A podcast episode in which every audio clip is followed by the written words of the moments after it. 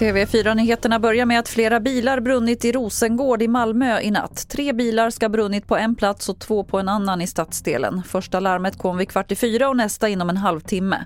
Polisen vet inte om det finns något samband mellan bränderna och det finns inga uppgifter om att de gripit någon misstänkt. Färjan Stena Scandica rör sig nu långsamt mot Nynäshamn efter att det började brinna ombord igår strax norr om Gotland. Johan Falström är presstalesperson på Sjöfartsverket men varit assisterad av eh, eh den här boxerbåten då som har legat standby vid sidan när man gått över Östersjön. Och man har även haft med ett eh, fartyg från Kustbevakningen och en från Sjöräddningssällskapet. 32 av de 241 passagerarna hann evakueras men sen kunde branden släckas och strömmen kopplas på och då avbröts räddningsinsatsen. Färjan väntas komma in i hamn under förmiddagen. Efter att antalet A-traktorer ökat rejält och med det också olyckor med A-traktorer så ses reglerna för dem över igen.